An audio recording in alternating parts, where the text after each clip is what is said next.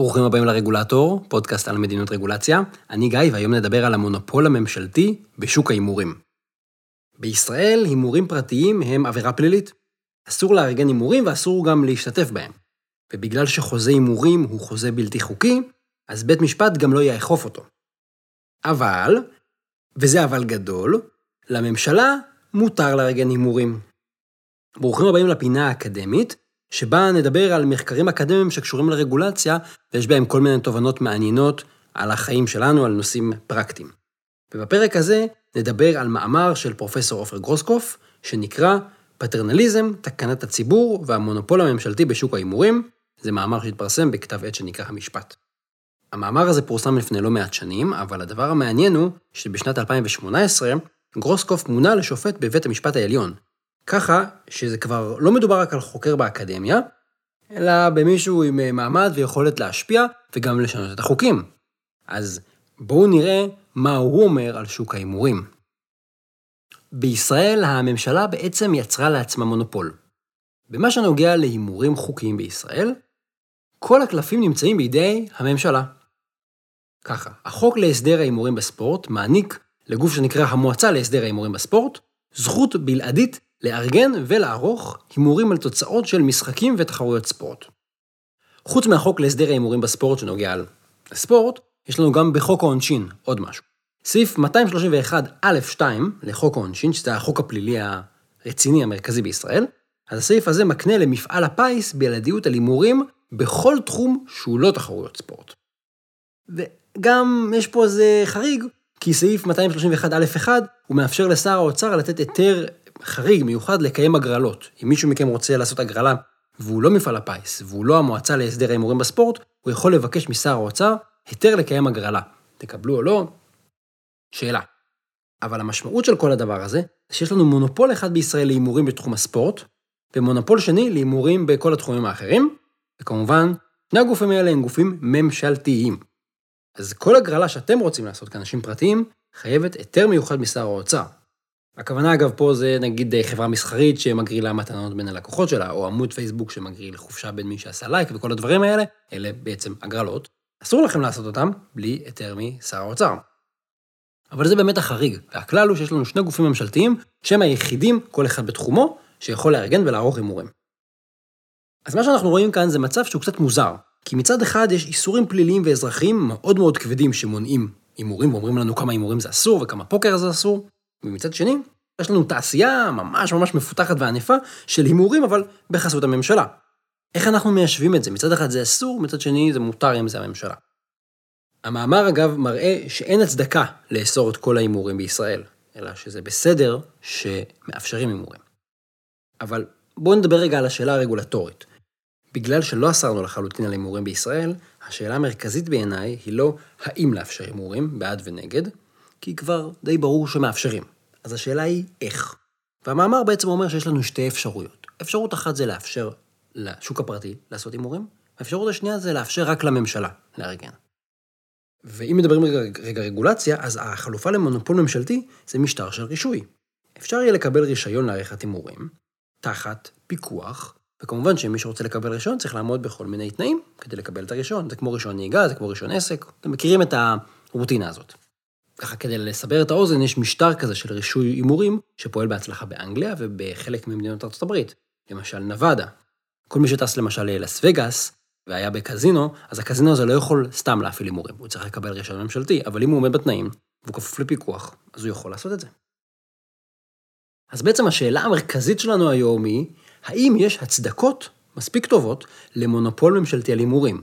האם יש לנו סיבות טובות להגיד, זה בסדר הימורים רק אם זה הממשלה, וכל גורם אחר זה לא בסדר? מה שאנחנו רואים במאמר זה שיש שתי טענות מרכזיות שיכולות להצדיק מונופול ממשלתי על שוק ההימורים.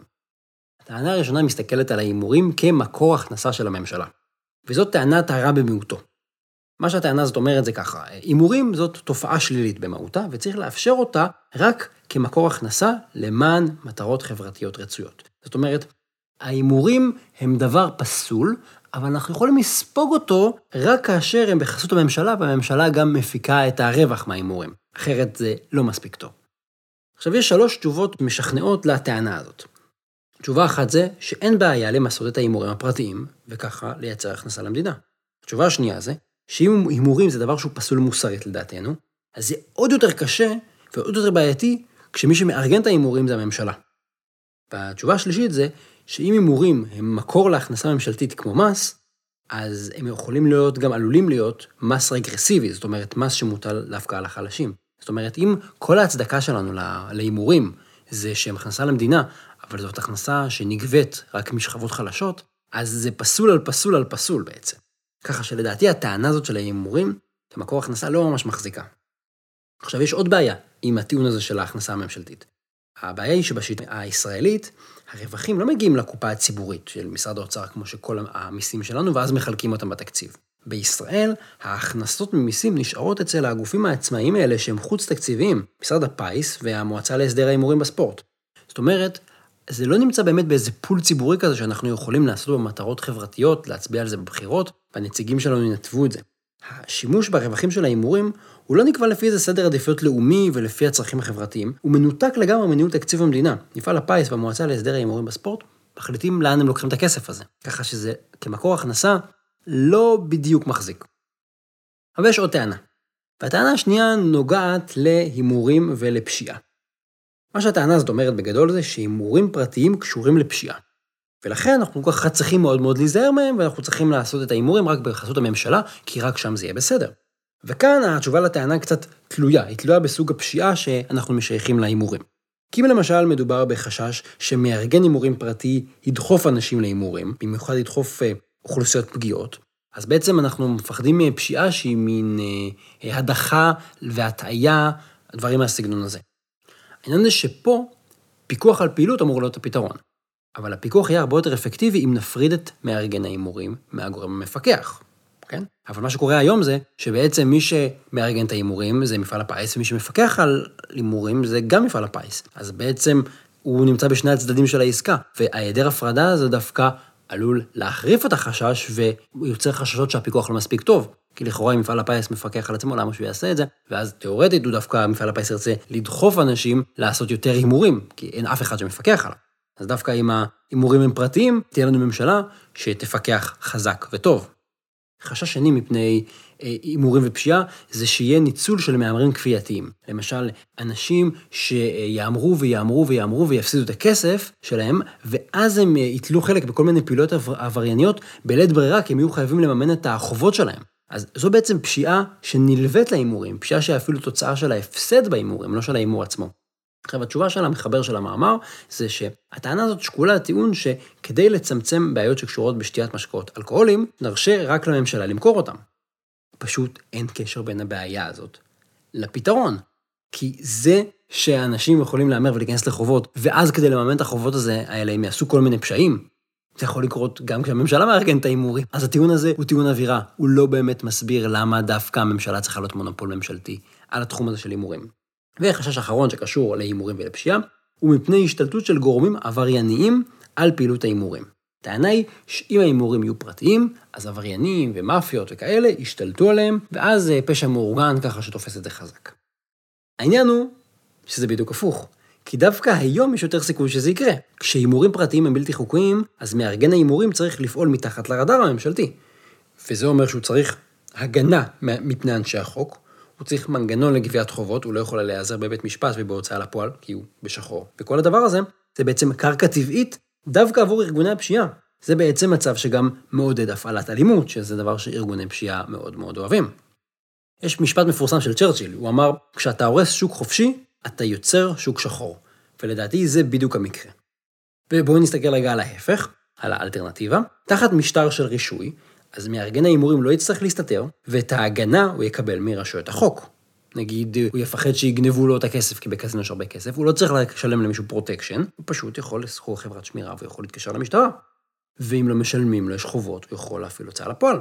עכשיו, יותר מזה, אפשר גם לטעון שהמיסים שמארגן ההימורים משלם תחת משטר של רישוי, יהיו יותר נמוכים מהסכומים שהוא היום נאלץ לשלם לארגוני הפשע. שהרנטה של ארגוני הפשע יותר גבוהה מהמיסים הממשלתיים, אם נאפשר הימורים פרטיים. זאת אומרת שהמצב היום הוא יותר מעודד פשיעה מאשר במצב של תחת רישוי. מה המסקנה של כל זה? אז המסקנה של המאמר היא שבין אם אתם חושבים שהימורים היא פעילות לגיטימית, ובין אם אתם חושבים שמדובר בפעילות פסולה שצריך לאסור אותם, בכל מקרה אתם אמורים להעדיף משטר של רישוי הימורים פרטיים על פני מונופול ממשלתי.